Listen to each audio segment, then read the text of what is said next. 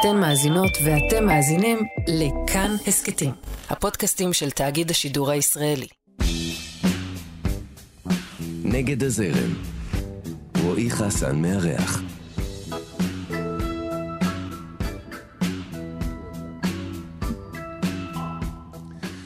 אתם על נגד הזרם, כאן תרבות, אני רועי חסן ויש לי את הכבוד והעונג לארח כאן היום בתוכנית. אה, יוצר, זמר, מוזיקאי שאני נורא אוהב, אלון עדר, אהלן אלון, מה שלומך? כיף. כיף לי להיות פה. כן, כיף לי שאתה פה. אתה משורר שאני מאוד אוהב, וואלה, תודה. אתה לא חייב להרים בחזרה. זאת האמת. לא, מגניב לי, אני אוהב מזה. אני אוהב שמרימים. זאת האמת. אה, מה שלומך? איך אתה בימים אלה? אני מבסוט לאללה. כן? כאילו, החיים נהיו מין... האלבום הבא שלי נקרא "החיים שלי פיגוע יפהפה". כן, כן, אני רציתי לדבר לא, איתך על השם הזה. זאת התחושה, סליחה, רק אני אומר, אתה יודע, אני מאוד מרגיש את הכותרת הזאת בחיים שלי. אז, אז אני אומר, אם כבר, אם כבר הזכרת את השם, אז אני רוצה לומר שאומנם האלבום עוד לא יצא, יצאו ממנו שני שירים ו, ופתיח ואינטרו. נכון. אז אפשר כבר לומר עליו שני, שני דברים. אחד, שהוא אלבום עם אחד השמות הכי מעניינים ש, שיצאו לפחות בשנים האחרונות פה בארץ. יופי. זאת אומרת, אה, לא טריוויאלי. זהו, באמת תהיתי אם זה, כמה זה לגיטימי או לא. עכשיו, יש לי גם תיאוריות לגבי השם, אנחנו תכף נגיע לזה, mm-hmm. זאת אומרת, איך אה, זה. אבל, אה, והדבר השני, זה אלבום עם האינטרו הכי יפה ששמעתי אי פעם. אני גם מבסוט על זה מאוד. זאת אומרת, ולתחושתי זה גם מתחבר, האינטרו והשם של האלבום, כי זה מרגיש קצת כמו פיגוע. יפהפה. אה? אה, כאילו, אתה יודע, אני מתאר לעצמי שאתה לא... לא יודע מה, אה, אה, חי את, ה, את, ה, את התכנים שהאינטרו שם אה, מעביר, אני, אני רק... אני. מתעסק בהם, זה בדיוק אולי, העניין. אולי צריך לומר רק שזה אריאל זילבר. אריאל זילבר נותן, בעצם ביקשתי ממנו... שנותן שם איזה דרשה... נותן את המשנה שלו על הדת, שזה אה, מדהים. כן. אבל אז זה בעצם מחבר לשיר השני, שנקרא הנשמה הכי נצחית שלי. שהשם המקורי שלו היה השם ישבור אותי, אבל הרגיש לי לא נוח לשים את אריל זילבר בתוך ה... זה גם פחות נכון לשיר הזה. ממש. כל, בעצם יש... אני שר שם, וכהן הראפר, ואריל זילבר בסוף בא להרים לה דת. אז אנחנו כאילו באים מזווית אה, חילונית, לא בדיוק מדברים... ואז אריאל זילבר בא לפתור את ה... כן, לפתור את ה... זה, אבל, אבל אני אומר, השורה הזאת, קודם כל, היא נורא יפה בעיניי, הנשמה הנצחית שלי. תודה. והנשמה הכי נצחית שלי אפילו, כן. זה כאילו הכי, זה גם, אה, יש בזה משהו. וגם השיר השני שיצא, אהבה עצמית, כן. הוא גם שם מדבר על הנשמה, זאת אומרת, יש נכון. שם איזו הסתכלות אה, רוחנית מסוימת. כן, אני מוקף אה, דתל"שים, דתל"שיות בעיקר בשנתיים האחרונות. אז זה כאילו שאלות שעולות בי. אני עדיין, אה, אני לא יודע אם אני נחלש או מתחזק, אבל אני מתעסק בזה. כי, כי לתחושתי לפחות, במוזיקה הישראלית, מילים כמו נשמה, ותקן אותי אם אני טועה, אולי אני, אולי אני מבולבל בקטע הזה, כן. הם היו מחמת המוקצה כזה עד לפני איזה עשור. זה כאילו היה מרגיש אה, קצת מוגזם, ברמה כן. שכאילו, דתי מדי אולי, לא יודע. כן. לדבר בסוגיות ש, של נשמה וזה. וזה... האמת שאותי זה בטוח, באופן אישי, זה לא הייתי כותב שירים כאלה עד לפני כמה שנים. אז, אז יש בזה אז... התמסרות, אה, כן, לא יודע, אולי התבגרתי, אולי לא. אבל זה, המילים באו, פשוט אגוזי שהפיק את זה איתי, ואני כתבנו ביחד. הבאתי בעצם בית אחד שיש בו ראפ, ואז המשכנו. פשוט פתחתי Google Translate.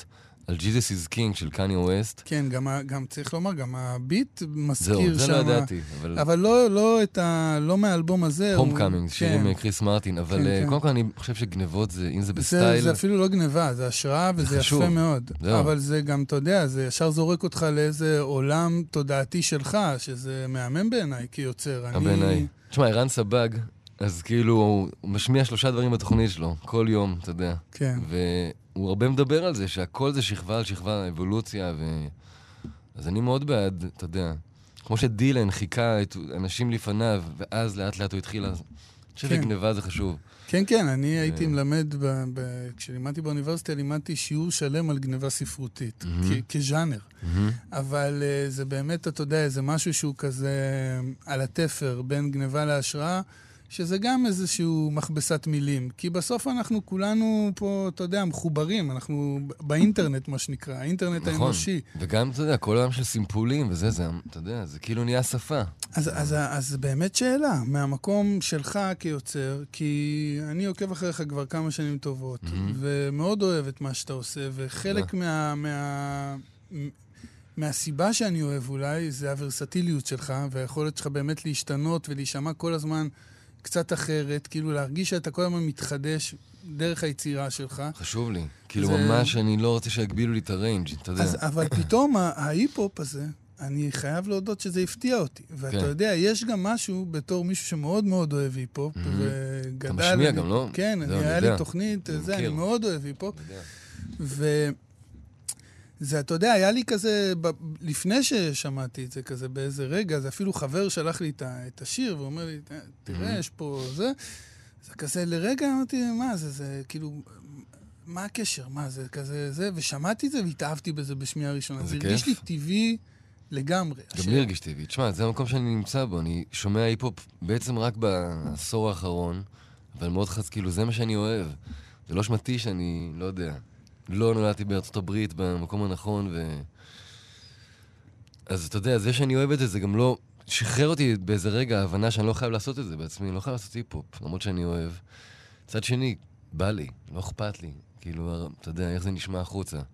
כן, אבל, אבל יש, יהיו עוד כאלה באלבום החדש, או זה הבלחה לזה? יש איזה קטע של, אריאל זילבר בעצם פותח את האלבום בדיבור שלו, ואז יש איזה קטע דיבור שלי, של ארבע דקות, על כלום, שזה מתחיל אה, נמוך ומידרדר אה, למעלה.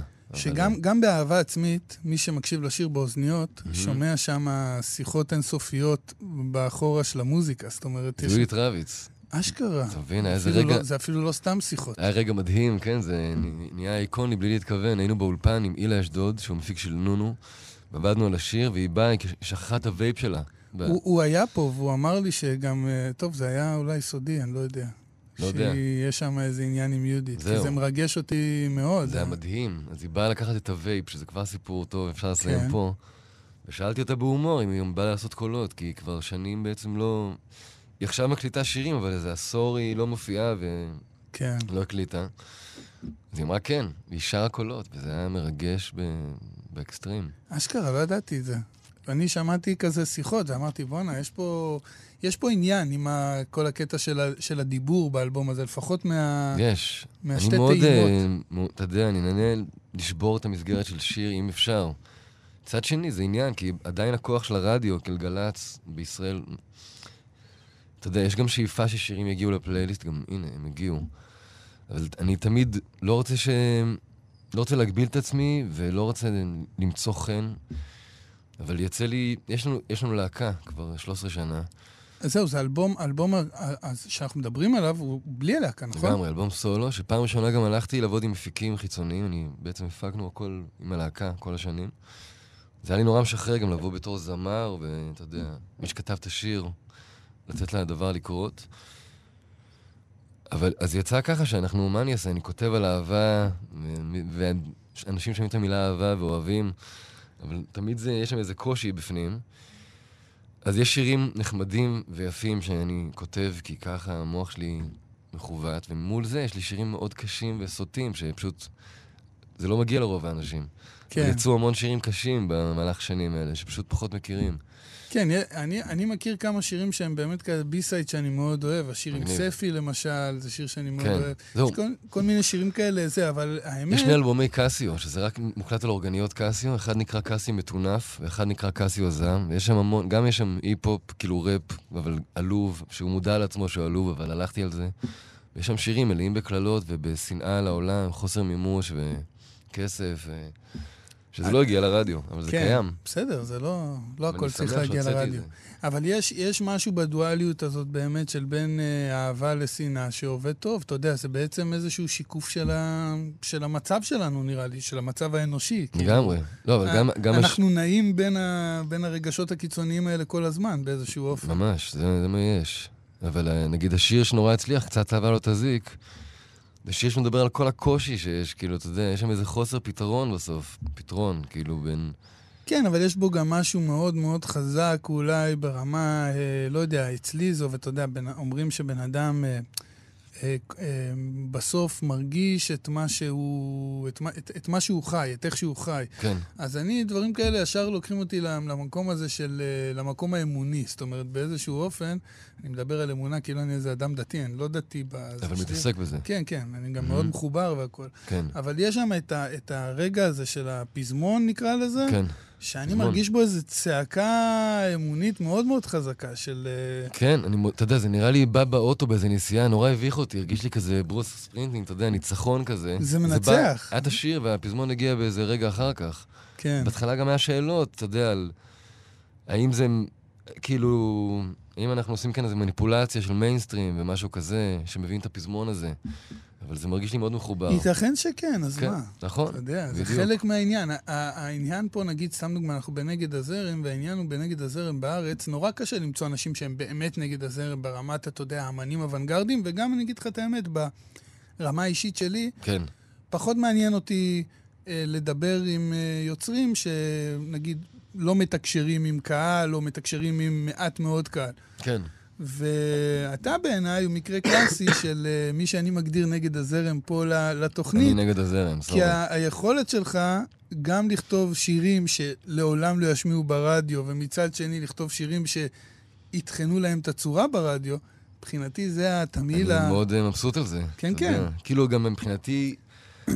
למרות שאני הבן של אבא שלי והוא נורא חזק במוזיקה פה, אז כאילו כל השנים הראשונות לא קרה כלום במוזיקה, שאתה יודע, אני הזזתי את זה, זה לא היה זז אם לא הייתי מזיז את זה. ואני כאילו מרגיש שתפסתי את הרכבת ברגע האחרון של הדבר הזה. אתה, אתה מדבר על, ה, על, ה, על אבא, אז... אה, אפשר. כן, אולי נזכיר אותו, אה, יהודה עדר, שהוא גיבור תרבות מקומי. ו... ואולי באיזשהו אופן, אם מסתכלים ככה על, על אמנים שהם בנים של, בנות של, כן. זה בדרך כלל הרבה יותר קשה. זה בדרך כלל, אתה יודע, אני מסתכל על הרמה של ה... מי הצליח ומי לא הצליח, כן. אז הסטטיסטיקה לרעתכם באיזשהו אופן. כן, אני לא מאמין שאני בקבוצה, שאני לא רוצה להיות חלק ממנה, אבל כן. כן, זה כאילו... באמת. שמע, כן, מבחינתי זה היה כל הקלישאות של צל והפריע לי. אבל, אבל יש בזה משהו אולי ש... שהאבא היה מוזיקאי ולא כזה, אתה יודע, פרונטמן. Mm-hmm. יכול להיות שזה משהו שהיה איזה הקלה מבחינתך? כן, אתה יודע, הוא קודם כל גיטריסט מבחינתו, מצד שני הוא גורו של המון אנשים, כן. אתה יודע, זה כאילו, לא משנה לאן אתה הולך, הוא קיים. מחווה אלברשטיין עד נונו, יסמין מועלם, יהודית רביץ, כאילו הוא עבד, ועדיין עובד, בגלל שהוא עדיין מורה ומלמד שירים. כן. אז הוא כאילו נמצא בכל מקום במוזיקה, והוא נורא דומיננטי. אבל יש בינינו יחסי אהבה, קנאה, אהבה, אהבה. וזה משהו שהרגשת, לפחות בתחילת הדרך, כמשהו שמפריע לך? אתה מרדת בזה? לא יודע, כעסת אני... על זה באיזשהו אופן? אני מרגיש שחבל לי שלא מרדתי בגיל, כמו שצריך, בגיל צעיר, היה כאילו תנאים, אבל יש דווקא, בא לי לש, שתשמע את הקטע הזה של הארבע דקות דיבור, כי אני... תשמיע לי אחר כך. אומר הכל, אהה. כן.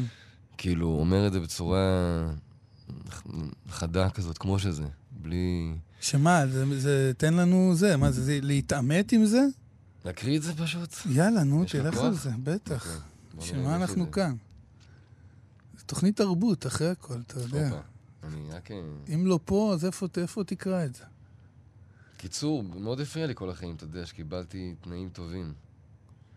למה? אתה יודע, אני לא מצליח להבין את זה, באופן כללי. כן. אני לא כן. מצליח להבין רגשות אשם. אני לא מצליח להבין למה אנשים חיים עם רגשות אשם. אתה יודע, אני שומע את זה כל הזמן סביב ילדים, ואני מגדל שתי בנות חמודות. ואני ממש לא מסכים מזה. עם זה. אני לא, אני לא מסכים לתת לזה מקום, לזה שיהיה לי רגשות אשם, כי אני יודע שהנקודת מוצא שלי היא תמיד הכי טובה שיכולה להיות. אני בא בטוב, מה שנקרא. אז כן. למה שיהיה לי רגשות אשם? אתה מבין? טוב, אני לא מוצא את זה. לא נורא, אז כן. אנחנו נ... אולי אחרי ההפסקה של השיר. אורייט. Right. אה, טוב, בוא נחזור, ל... בוא נחזור ל... לשיחה. סליחה, בטח, אני פה. אה, עוד, עוד משהו שאני מאוד אוהב בך, שאני מאוד אוהב באומנים, ויש בך, יותר נכון לומר, זה היצרנות שלך. נכון. אתה אני... יצרן מוזיקה. אני די יצרן מוזיקה, אבל uh, למרות שעכשיו, אני בתקופה שאני לא כותב, וגם פעם ראשונה אני לא מוטרד מזה. כאילו, למדתי כבר שזה... תקשיב, אתה כתבת ב... עשר, לא יודע, אולי קצת יותר שנים בשביל, בשביל מאה שנה. קודם כל אני רוצה עוד. אתה צריך מחכה. עוד. אני, אני לא רוצה... לא אומר את זה כביקורת, לא, אני, אני מאוד לא, לא. אוהב את זה. אני, ברור לי. אז זה מאוד, לדעתי, זה משהו שהפריע לי כל הזמן פעם. שפעם זה היה מראה איזה סממן רצינות כזה של אומן שמוציא אלבום פעם בשבע שנים, פעם בזה, זה היה כזה, הוא כאילו, עובדים על זה קשה וזה... זה עדיין קיים. אני תמיד, mm-hmm. אה, ב, עוד פעם, ב, בתפיסה שלי, תמיד פירשתי את זה כעצלנות. אני לא יודע. לא יודע, גם אני לא יודע. אבל מול זה... אבל אני רק אומר, זו הפרשנות שלי. כל הדו, אתה יודע, כל האנשים האלה, בוב דילן, אריק איינשטיין וזה, שהם מוציאים כל, הוציאו כל שנה אלבום ויכולת לראות מה שלומם, וגם אם הרמה לא אחידה, אבל כאילו זה כמו יומן... זה לא חשוב בכלל. בדיוק, יומן מוזיקלי כזה. שכל שנה אתה יודע יש את הדבר הזה, ואתה מרגיש את המדינה ברקע, ואתה מרגיש את הבן אדם, מה הוא עובר. אני מת על זה. אני אגיד לך גם למה זה לא חשוב, לדעתי, כי זה לא עניין שלא חשוב, זה עניין שזה בא להגיד, האומן בעצם אומר, אני לא לוקח את עצמי יותר מדי ברצינות. לא כל אלבום שלי עכשיו, ממש. נגיד ניקח את זה לספרות, אז אני לא, כל ספר שאני מוציא, עכשיו כתבתי את התנ"ך. כתבתי ספר. לגמרי. אחרי 50 שנה היה לי איזה קורפוס אה, יצירתי, נבחן את זה, מה היה יותר טוב, מה פחות טוב, מה אהבתי, מה לא אהבתי, הכל טוב, אבל הייתי בעשייה. גם יש המון קסם, אתה יודע, אני באלבומים, אני קודם כל אני אוהב אלבומים עדיין, למרות שהעולם השתנה, אבל זה, בסדר. זה חוזר, זה חוזר, ולדעתי זה גם יחזור בגדול אפילו. כן. די, נמאס לאנשים מה... אז השירים הקטנים, אתה יודע, השירים ה weird, הקטנים, לצד השירים הענקיים, זה השירים האהובים עליי, אז אני... בכלל, אתה יודע, צריך כאילו...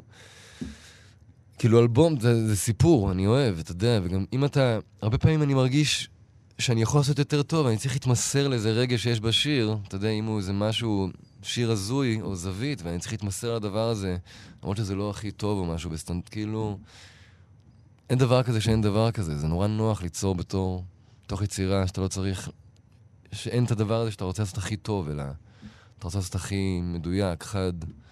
אז uh, אני אוהב. וזה שהאלבום החדש, הקרוב, אמור לצאת בסוף החודש, נכון? כן.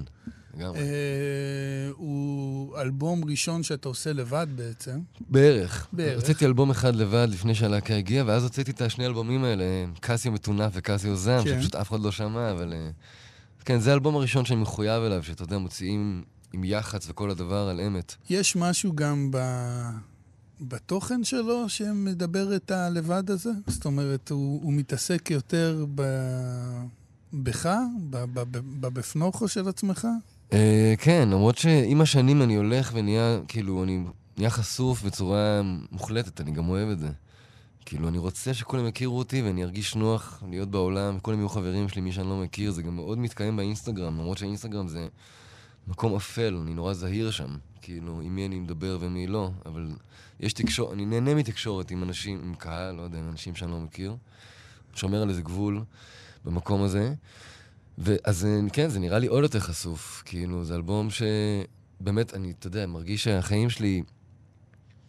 אני אכנס לזה בקטנה, אבל גרתי עשור בגליל העליון עם שלושה ילדים בחינוך ביתי, מין חיים מסוימים, שגם נבעו מזה של לעשות... שנייה שאתה עושה ילדים ולגור בתל אביב זה פשוט בלתי אפשרי, אז כאילו זה היה איזה חיים כאלה, כאילו כשהשירים הצליחו ברדיו, היית רחוק. הייתי ממש רחוק, אני הייתי על איזה הר בראש פינה ספציפית, שקצת עבר לו את הזיק, בצוק איתן, נכנס לפלייליסט, שזה היה כאילו מין רגע משמעותי.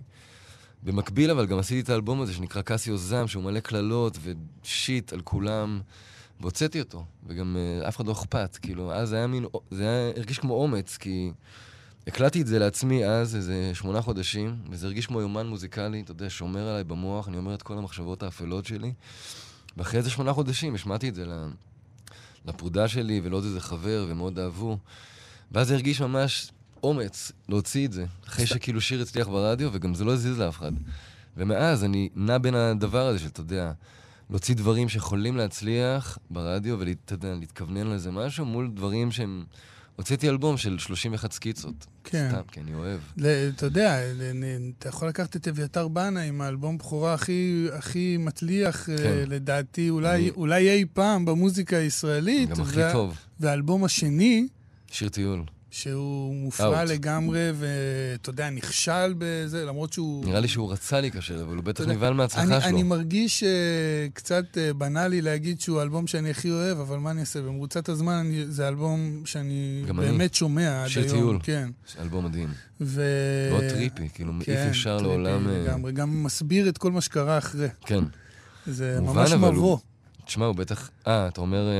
לדעת. כן, וה... כן, בטח, כן. זה, זה הרגיש כמו, אתה יודע. אני הרגשתי תקופה כזה, כאילו, אתה יודע, לא הקשבתי למוזיקה כמו שצריך, שמעתי ברד, אתה יודע, זה בכל מקום, אביתר בנאי, מגיע לו הכל. כן. והרגיש לי לרגעים כאילו הוא, הוא ויתר והוא פחות... אה, אבל אז הקשבתי שוב לטקסטים, והוא לא מפסיק אה, לחפש, והוא הכי מדהים. כן, כן, אני כאילו... דווקא, האלבום האחרון שהוא הוציא הוא אלבום שמאוד אהבתי, אחרי הרבה אלבומים שככה היו בין לבין וזה, אבל דווקא... זהו, אנשים שמחפשים. תשמע, גם אריאל זילברוף, כאילו, אתמול עליתי איתו לשיר בברבי, אבל... נדבר על אריאל זילבר? לא התכוונתי, לא. לא, נדבר. תשמע, בן אדם בן 80, עם אנרגיה מטורפת, אין כזה דבר, הוא שר מדהים. והוא כולו, שוב, כאילו, בן אדם של יצירה וזרימה, מול כל הדברים, אתה יודע. אריאל זילבר אה, היה עם אבא שלך בתמוז. לגמרי, ממש. ו... לא, זה הרכב, אתה יודע, זה שלום חנוך, אריאל זילבר, זה... כן. זה מין הרכב שהוציא אלבום אחד, ומאז כאילו כל, כולם מתאחדים, ושם משהו במבנה האנושי של האנשים... אבל אני בשבילי באמת, זה גם נראה לי שאנשים אה, שמקשיבים לתוכנית כבר, כבר יודעים, יודעים את זה, שבאמת בשבילי אריאל זילבר הוא, הוא, עם כל הכבוד לכולם, הוא... תשמע, גם בשבילי. הוא האחד. אני איתך. זאת אומרת, הוא, הוא, הוא המוזר שלי והאהוב שלי, ואני מתחבר אליו ברמה, אתה דיברת מקודם על אלבומים ועל שירים קטנים. השירים הקטנים של אריאל זילבר, בזה כן. זה זהב טהור. לא, אתמול הוא גמר את ההופעה בראפ, יש לו שיר uh, מדהים. והוא באמת uh, one of a kind, כאילו, אני לא מכיר עוד אריאל זילבר בעולם. גם אני. לא, זה משהו אחר. Uh, זה בטח רגעים של uh, חסד וקסם uh, להופיע יחד עם מדהים. לא אגדה לא, חיה כזאת. בכלל לא התכוונתי, באתי לראות ההופעה ואמרו לי, בוא תעלה, היה כיף. נשמע שהיה כיף. ממש. אה, אז נעשה הפסקה למוזיקה. אה, איזה שיר בחרת? בוא נשמע את חוזר ועולה שם. יאללה. אוקיי. אלון נדר. נגד הזרם. רועי חסן מארח. אתם על נגד הזרם, כאן תרבות, איתי אלון נדר, אה, אנחנו ממשיכים בשיחה. אז בדרך כלל אנחנו מתחילים עם שיחת הנושא של התוכנית. היום אנחנו אה, מתחילים את החלק השני של התוכנית איתה דווקא, mm-hmm. כי זרקת פשוט את, ה, את העניין של, ה, של השם של האלבום החדש, אז כבר צריך לזרום. גם הוא הולך נגד הזרם. כן, אה, לא, אנחנו פה, אין לנו תכתיבים. Mm-hmm. אה, כמו שאתה רואה, זו שיחה שבה המראיין, כביכול, מדבר יותר מהמרואיין. אתה יודע, מעירים לי על זה לפעמים. כן? כן, אבל זה אבל, יש, אבל מצד שני גם מחמיאים לי על זה, אומרים, תשמע, זה נחמד. זה טוב. בן אדם ש... לא, גם אתה, אתה מגיב לבן אדם מולך, לא? אני משתדל, משתדל. כן. אני, תשמע, אני מזמין רק אנשים שמעניינים אותי. אני, בוח, אני מזמין את האורחים ואת האורחות, כן. אז הם בדרך כלל מעניינים אותי, אז... אה, אותי, אותי מעניין מה קורה בעולם השירה כרגע. אה, וואו, וואו, זו שאלה... שקשה להיכנס לזה עכשיו? לא, זה סתם, זו שאלה מצחיקה. לא מזמן היינו בפסטיבל מטולה, mm-hmm. אז היה כזה מושב. עכשיו, כן, לא כן. מזמן. זה היה מושב כזה, מצב השירה, זה תמיד מצחיק, מצב השירה. Mm-hmm. זה, זה מעניין בערך 30 איש. כן. Uh, השירה, אתה יודע, השירה אתה חי. אתה כותב עוד כל הזמן? בטח. כאילו, כאילו אתה יודע, זה... אני עושה... כן. לא, אתה, אתה כותב. זהו, לאחרונה לא. Uh, וואלה, אז אני כן, אני כותב, אבל אני, אני פחות מפרסם, פחות בלחץ על הקטע של לפרסם. אני כאילו גם באיזשהו state of mind די מעוות לגבי הספר הבא, בקטע של כאילו... לא יודע, באמת? מחשבות של יש יותר מדי ספרים בעולם אולי, אבל לא, זה יקרה. מבין את המחשבה, אבל... כי uh, זה יקרה, אני פשוט עושה מלא מלא דברים עכשיו אחרים שאני מאוד נהנה mm-hmm. בהם, אז uh, סבבה, אבל אני לא הנושא פה, אתה הנושא. אז נדבר על נגד הזרם. Uh, איך אתה מרגיש עם הביטוי הזה? Uh, מחובר מאוד, אתה יודע, תמיד שם. כאילו, מגיל צעיר, אתה יודע, לא משנה אם... זה חזר כאן מקודם, אבל אתה יודע שנולדתי למשפחה שאני נולדתי לה, ו... תמיד היה לי מבט מהצד, על, אתה יודע, ונמשכתי למה שיקום, וגם אנשים שאני מעריץ, אתה יודע, זה לא יודע, בוקובסקי, המינגווי, יונתן גפן, אסי דיין, אה, אנשים ש... שחיים אה, בקיצוניות ו... ואני נזהר על עצמי, אני גם... נראה לי שכל מה שהזכרת חיו בקיצוניות. זהו, זה מה שאני אומר. לא, אז... לא, הם לא חיים בקיצוניות. כן, אה? כן. אולי בעולם הבא. בעולם הבא. ואז אני... אני מחפש את ה... כאילו, אתה יודע, מרגיש שאין לי גבולות בצורה שאני חי. מצד שני, יש לי שלושה ילדים, ואני אבא מסור ואוהב. אז אני בחיים כפולים, קצת חי את הדבר הזה. גם בתוך זה אני מרגיש שאני נגד הזרם, אה, כאילו גם ב, במבנה המשפחתי שנהיה עכשיו, ובהורות שלי, שפתאום אני אבא, אבא יחיד, ושאמור לקחת את האחריות על הדבר, אז הבת שלי, מסתבך פה, אבל כן, לפעמים אני לא מרגיש חייב. שהיא... שהיא אימא שלי, לפעמים מרגיש שאני אבא שלה, יש שם איזה משהו... אני ממש מבין על מה אתה מדבר. זה, כן, זה קשר עמוק עם ילדים, אין מה לעשות. זה קשר באמת עמוק וגם לפעמים מתעתע. כן. כמו שאתה אומר, כמו mm-hmm. שאתה מסביר עכשיו. אז השאלה הראשונה פה היא באמת uh, נגד הזרם, והשאלה השנייה היא על המשפחה. אז אתה הזכרת את המשפחה, אז כן. בדרך כלל השאלה היא אם גדלת בבית אומנותי. במקרה שלך זו שאלה קצת רטורית, אבל בכל זאת, ספר לנו על הדינמיקה לגדול בבית אז אמא שלי זאת... כל כך אומנותי. אמא שלי מיקי קם, כן. ואבא שלי זה יהודה עדר, ויש לי אח אחד, נדב, שהוא גם... אה, הוא בתיאטרון, גם במוזיקה, ובעצם זה בית שאתה יודע, כל האנשים בבית אה, שואלים איך הייתי כל הזמן, כן. ומקבלים תשובות כנות. כאילו כנות? יש... כן. אשכרה. יש הרבה פרגון ואהבה, אבל אתה יודע, תמיד היה... היה, הייתה אמת על הדבר הזה, וכן, אתה יודע, גדלתי לבית שהוא ממש אמנותי, מצד שני... זה גדול, כי זה גישה, אתה יודע. יאיר כן. גרבוז היה פה לפני כמה זמן, כן. הוא אמר, אני, כשאני מצייר, אני קורא לאשתי שתבוא לראות, ה... לראות את הציור, היא קודם כל צריכה להגיד שזה יפה. Uh-huh. אחרי שהיא תגיד שזה יפה, היא יכולה להגיד לי את האמת על זה. נראה לי שזה אותו דבר, אבל uh, בסוף האמת מגיעה. כן. אבל אני אני נזכר, אתה יודע, מול אבא שלי, באמת, חוץ מזה שדיברנו קודם, שהיה מאוד, מאוד, בן אדם דומיננטי במוזיקה פה, אז אם הייתי כותב שיר ומשמיע לו, אז התגובה שלו, לא משנה אם הוא גם לא היה מגיב, יש איזה משהו בחוויית ההאזנה, גם אם השיר מוקלט כבר, בשנייה שאתה משמיע למישהו אחר, אז חוויית ההאזנה שלך היא של... יכול להיות זוועה פתאום, הדבר הזה. כן. זה נשמע מעוות, איטי, מדהים, כי זה משהו מוקלט. אז הייתה לו המון השפעה עליי, על הכל, על ה... אתה יודע. ועם השנים, גם השמעתי לו פחות, וגם היום הוא משמיע לי, זה נהיה משהו... אבל, כאילו... אבל הוא, הוא לוקח חלק ביצירה שלך? הוא כאילו מנגן לפעמים, או זה? פעם הוא... זה היה יותר, כן. עשינו כן. אלבום ביחד, שזה אלבום מדהים, זה הוא והחבר הכי טוב שלו, שהוא במקרה גם נשוי לאחות של אבא שלי, דוד שלי. אז הם כתבו שירים בשנות ה-80, 90, והקלטנו אלבום לפני איזה כמה שנים. יש לו שם? לאלבום? לדוד. לדוד, בטח. הארי ליפשיץ הוא בן אדם חשוב. הוא גם אה, כזה יועץ הסתרים של אבא שלי כל השנים, גם חבר הכי טוב. וגם איתי הוא עבד על האלבום הראשון. בעצם, לי, מאוד עזר לי, יצא אלבום ראשון, שהייתי בטוח שנהיה אליל העולם, וזה פשוט אף אחד לא התייחס, בצדק. אה, וזה אלבום ראשון קלאסי כזה, שהשקעתי בו כסף וזמן, לקח הרבה שנים. ואז מאז פשוט אמרתי לעצמי ש... או שאני אעזוב את זה, כמו הרבה אנשים אחרי אלבום ראשון שלא קורה, ואתה יודע, אני אלך לעשות משהו אחר. ולא הייתי מסוגל, כי אני מגיל צעיר כותב, כאילו, זה דרך שלי להתבטא בעולם, דרך שירים, אני לא יודע משהו אחר. כן. בטח אתה חי... מכיר את זה. דומה. אז פשוט הוצאתי עוד אלבום, ששם... כאילו, ואז יצאו אלבומים ברצף בעצם, ב-11 שנה האחרונות יצאו איזה 11 אלבומים, 11. באלבום שהוצאתי השני, אז פשוט גרתי בכרמל, בשוק הכרמל. הייתי בתוך איזה פרידה אז כתבתי המון שירים ב... באותם ימים, שחלק הצליחו, חלק לא, אבל כולם מדברים אותו, כאילו קצת אהבה לא תזיק, ועוד הרבה שירים נכתבו שם בכמה ימים. והגישה הייתה שאני והלהקה שהתחלתי לגבש טובים באמנות, לא צריכים להשקיע בזה שקל, חיים בישראל, ונשקיע קצת ביח"צ. ואז האלבום השני הזה שעשינו בכלום, בחדר, דירת חדר בשוק הכרמל, עשה עניין בכמה, לא יודע, בפיקציות של טיימאוט ווואלה ואלבום, זה עורר משהו, והייתי מוכר בכמה רחובות בתל אביב. אבל זה היה מספיק כדי להניע, ו... זה די מדהים שהיום דברים יכולים לקרות בחדר בתל אביב. ממש. להוציא אלבום. לגמרי. וגם חברות תקליטים, זה דבר שלא, כאילו, העולם מאוד משתנה מהקטע הזה. ו- ותגיד, עוד, עוד דבר שמאוד משתנה זה כמעט ולא רואים להקות היום. נכון. ואתה אומנם אה, מיוצג בשמך, אבל אתה ברוב הזמן לא, ממש, ממש עובד להקה. בתוך להקה.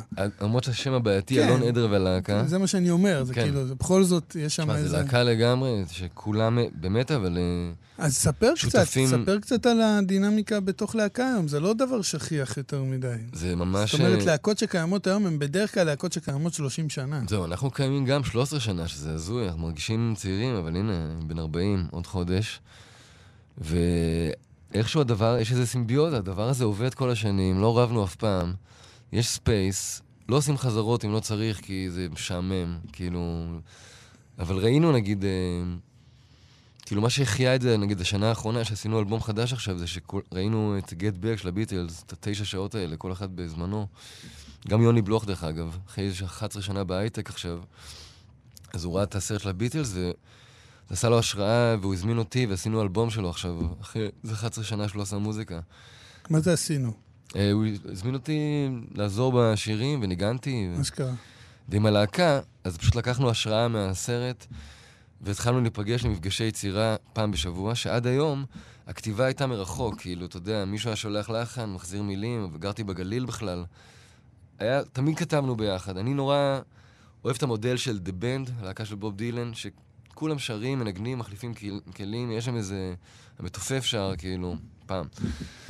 אז אהבתי את הלהקה האמיתית, כאילו, שאתה יודע, כולם ובעצם הם באו בתור נגנים כולם, הם בכלל לא כתבו שירים רובם. לי זה נראה מהצד, מה זה מסובך. נכון. ליצור ביחד.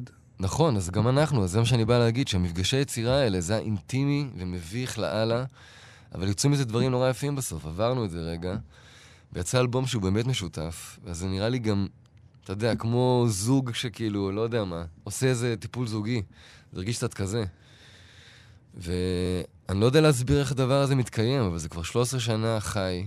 במקביל, אתה יודע, כל אחד מהם עושה המון דברים, וגם אני מופיע הרבה סולו. אבל נגיד נדב הולנדר, שמנגן שם בס, הוא עושה המון דברים, כאילו, הוא גם היה סגן עורך בהארץ, בשישי, בגלריה. והוא גם קשור להצגה מייקל ולאבי הזמר, ו... תשמע, כאילו כל אחד עושה שם... יש דבר אחד שנכון לכל האומנים בארץ. כולם צריכים לעשות הכל כדי לחיות פה. זאת אומרת, בדיוק. זה לא... אתה לא יכול להגיד, אני מוזיקאי, או אני במאי, או אני משורר, או אני זה, אתה יודע... לא, דיברתי עם, על, אתה יודע, אתמול הייתה הופעה עם אריל זילבר, אז דיברתי עם הבת זוג שלי על הבוקר, על זה שבגיל 80 נראה שהוא מלא חיוניות וכיף לו להופיע, אבל גם אולי אין לו ברירה, כאילו, that's life כן. בישראל, אני לא יודע. איך זה בגיל 80, כנראה. כן, אבל זה נראה לי כמו, אתה יודע, בסוף זה הופך להיות באיזשהו אופן אה, אה, כמו ללכת לעבודה, שאומרים על בן אדם, כאילו, אתה יוצא לפנסיה, זה, זה, זה עלול להזיק לך, כאילו, תמשיך לבוא לעבודה. ויש כאלה שאומרים, כאילו אבא שלי עכשיו יצא לפנסיה, שיגעו אותו, תמשיך, תמשיך, תמשיך, הוא אומר, מה פתאום, אני לא... טוב לו, לא, הוא רוצה את החופש? בטח, הוא אומר, אני כל החיים חיכיתי לרגע הזה, תשחררו אותי. אני מרגיש שאני לא אדע. אין לו כסף, כן. הוא לא, אין לו עכשיו כסף, אתה יודע, לזה. הוא אומר, בסדר, אני עכשיו קודם כל רוצה לנוח. אחרי שנה, נדבר, אולי אני אמצא איזה משהו בקט... אבל אתה יודע, יש כאלה וכאלה, נגיד, אבל מה שעם אריאל זילבר, נגיד, למשל, mm-hmm. שאתה אומר הוא בן 80, אני לא בטוח שזה העניין של ההכרח, כי, כי במקרה שלו הוא אומן חי. כן. אומן חי במלוא מובן המילה. ממש. זאת אומרת, הוא, הוא כותב שירים מעולים היום. לגמרי, הוא, הוא מקליט נכון. אלבומים היום. זאת אומרת, הוא לא, אלבום, הוא לא אומן שנשען על הנוסטלגיה, על מה שהוא עשה לפני 30 ו-40 שנה. לגמרי. אבל תשמע, הוא... גם בוב דילן, כאילו, שלום...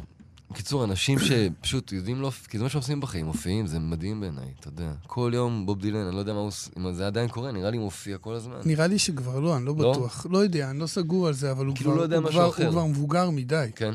הוא כן, הוא לדעתי כזה 80 והיה לו לא כן, מזמן. כן.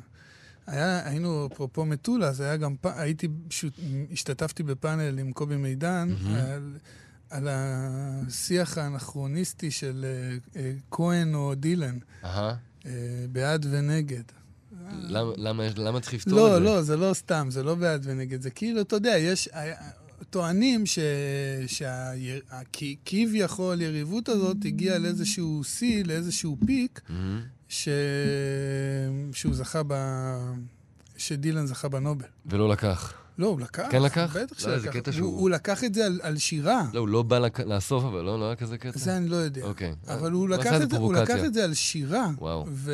ליאונרד כהן היה בחיים עדיין? בטח, אוקיי. וקצת אחרי נפטר. כן. זאת אומרת, אה, זאת אומרת, אתה יודע, ומבחינת האטיטיוד שלהם, עזוב עכשיו מבחינת מי יותר משורר או מי זה, לדעתי שניהם כתבו שירה באיזשהו אופן. כן, אבל ליאונרד כהן ממש התחיל בתור משורר. בדיוק, כן. גם, זה גם היה אצלו הרבה יותר בדבר, הטקסט. דילן, 80 אחוז אתה יכול לא להבין מה הוא אומר ועדיין להתרגש. לא ממש. לא לאהוב את השיר, כן. להתרגש.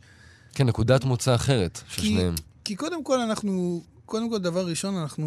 אנחנו אה, אוהבים יצירה של אומן, קודם כל אם האומן בא לנו טוב בעין. זאת אומרת, אם אנחנו מתחברים אליו אתה יודע, לאטיטיוד שלו, לגישה שלו, לסטייל שלו. לגמרי.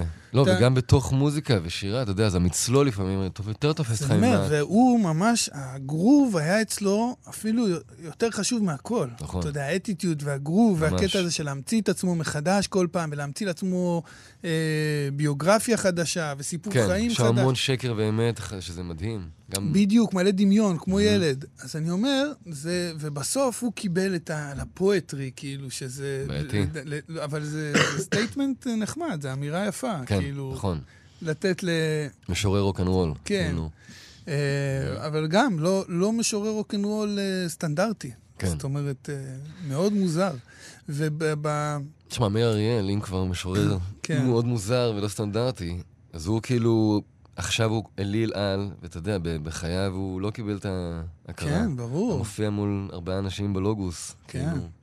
זה סיפור של הרבה מאוד אנשים, כן. הרבה מאוד אומנים. Mm-hmm. במקרה שלו, בארץ, אני יודע שזה היה באמת uh, מאוד קיצוני. הפער בין משהו, איך שהוא חווה את הקריירה שלו לאיך, כן. ש... לאיך שהיא קורית היום, אחרי כן, שהוא לא פה. כן, משהו פער. מבחינתי, אחריו יש את מיכה שטרית, אתה יודע, מבחינת פזמונאות. מיכה שטרית. זה ההמשך. הוא אח שלי, חבר טוב. וגם גלעד כהנא, כאילו בעולם הזה של, אתה יודע, משוררי מוזיקה. אני מת על זה שאתה מרים לאנשים. אני אוהב. זה טוב, זו תכונה טובה. זו תכונה ממש טובה, אני לא אומר את זה סתם, לא, באמת. אני אוהב, אני, אתה יודע, אני מופעל גם, כאילו, מאוד מושפע. עוד, עוד משהו שאני מאוד אהבתי אצלך, לפחות בתחקיר שאמרת, כן. ששאלו אותך מה החזון שלך, מה אמרת, אתה זוכר? לא. אולי שאין לי? לא. אמרתי שיש לי? לא. אה, אני זוכר. כן. זהו, אני, אני רק רוצה שיהיה כיף בחיים. זה מדהים, אתה יודע, אתה יודע כמה אני מזדהה עם המשפט הזה, שמה... אבל הוא גם ניפץ לי תיאוריה. תגיד קודם כל לא, למה. כי שנים הייתי ב... הרגשתי שאני נותן 100 בביצוע, ואתה יודע, התמסרות, ל, לא יודע, למוזיקה, ופשוט 0% זרימה. וזה לא כיף, זה היה סיוט, כאילו. אני רוצה שיהיה לי כיף בחיים, בהכל, אתה יודע. ואז אני כל פעם מזכיר לעצמי, אה, אני הולך לילדים היום, זה בעצם כיף. אני... כאילו, זה הכל גם במבט ובגישה ובאיזו זרימה פנימית שאני רוצה לחיות אותה ולהעיף את כל מה שלא כיף ולא להתאמץ. אמירה של ניצחון. תדע לך, אני מאוד מזדהה עם, ה... עם הדבר הזה. אני אגיד לך גם מה, למה ניפצת לי את התיאוריה. כי אני, שאני מסתובב עם תיאוריה, כן. וגם מפיץ אותה, כן. שהדבר שה... שהכי בולט ב... באומנות שחורה, mm-hmm. גם אפרו-אמריקאית, גם מזרחית, זה, זה הג'וי. כן, אה? תמיד אתה רואה שם ג'וי, לא משנה ממש, מה קורה. ממש, מרגיש את זה. תמיד mm-hmm. אתה רואה את הנגן בס עם החיוך מלוא שיניים כזה לגמרי. בחוץ, ואת המתופף מבסוט על החיים, והזמר תמיד מתלבש יפה ורוקד יפה. זאת אומרת, הכיף הוא במרכז. ממש. וכשאמרת את זה, אמרתי, בואנה, זה, זה בולה, זה, זה, אתה יודע, אני לפעמים אומר לאנשים שאני מקדש את השמחה ואת הכיף. מדהים. זה מוזר להם, כי לא זה כאילו, לא, מצ... לא מצפים מאומן, אה, זה, כל הזמן רוצים אותך למטה. מיוסר. ובא, כן. לגמרי. fuck it, נכון. לא, לא בא לי על זה. תשמע, גם דיברנו על הלהקה מקודם, בתוך הדבר הזה, אף אחד, כאילו, כולם מנגנים, אף אחד לא מעיר למישהו איך לנגן, יש איזו זרימה תמיד, אתה מבין? על הבמה. אף אחד לא יגיד למישהו מה עשית, זה רק יכול להיות מין, יא, yeah, מה עשית? מגניב, אתה מבין? כן. כל אחד, יש מקום uh, לזרימה. זה נראה לי גם שומר על איזה כיף. אז ג'וי, ג'וי זה דבר uh, הכי חשוב. לגמרי. זה מדהים שאתה שם וזה גם מורגש עליך, זה מורגש, אתה, בא, אתה באנרגיות טובות ואתה לא סתם מפרגן לאנשים ואתה לא סתם מדבר טוב, כי אתה בכיף, אתה בטוב. רק אה, איך שומרים על זה. בקלות. כן. כן. אני בעד. אה, מה, מה, מה באופק? אלבום חדש, זהו, יש את האלבום הזה. חודש. כן, יוצא בסוף החודש, שבאמת הפיקו כמה מפיקים שונים, שהיה נורא כיף לעשות את זה. ויש אלבום עם הלהקה, שהוא כבר, אה, מוכ... כאילו, גם בעבודה, כיף, שממש יצרנו ביחד. ופשוט נהייתי אני עושה המון פרויקטים עם אנשים, אבל אני באיזו אינפלציה, אז אני מנסה רגע להרגיע. כן, היה לא מזמן תומר ישעיהו, נכון, אלבום יפה ביחד. תודה, זהו.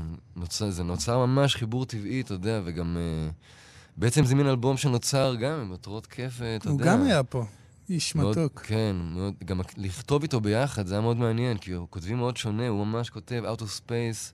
מופשט. ש, כן, שאני מאוד אוהב, ואתה יודע, הוא מסביר לי גם מה הוא התכוון, הוא גם לא חייב, אבל היה מאוד מעניין ליצור איתו ביחד. והוא גם במוזיקה הוא כישרון על, הוא הקליט, אתה יודע, מנגן את כל הכלים. מסכים לגמרי. אז. זה, אז זה היה את זה.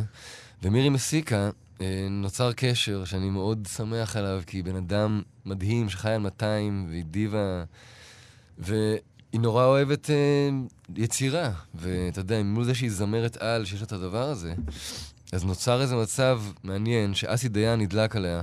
ושלח לה טקסטים שלו, ונתן לה גם יד חופשית, גם דרך ליאור דיין, הכל שם uh, קורה יפה, שהיא יכולה לערוך את השירים כמו שהיא רוצה.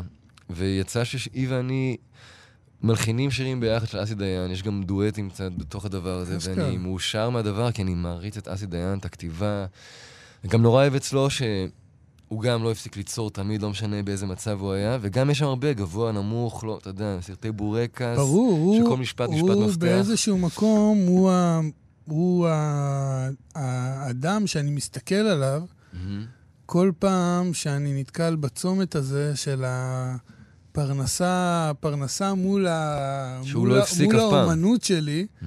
ואני אומר, אסי דיין הוא המודל להסתכל עליו. לגמרי. ל- ל- לעשות סרט בורקס כדי אחר כך לעשות את uh, החיים על פי אקפה. בדיוק, אבל גם הבורקס זה גאונות, כל משפט. אני לא מזלזל, כן. אני רק אומר, אבל אתה יודע, אני להפך, אני מת, אני שלאגר זה סרט אהוב עליי שם. בכל גם הזמנים. אני, גם אני. אבל אני אומר, היכולת הזאת להבין את זה. כן. שבשביל לעשות את אגפה או את אה, שמיכה חשמלית, כן. אתה צריך לעשות את שלאגר וגבעת חלפון, זה כן. משהו שאני אימצתי. מטורף. זאת אומרת, אני אומר לעצמי, הכל טוב, לא הכל, לא הכל הם פסגת uh, שאיפות ה...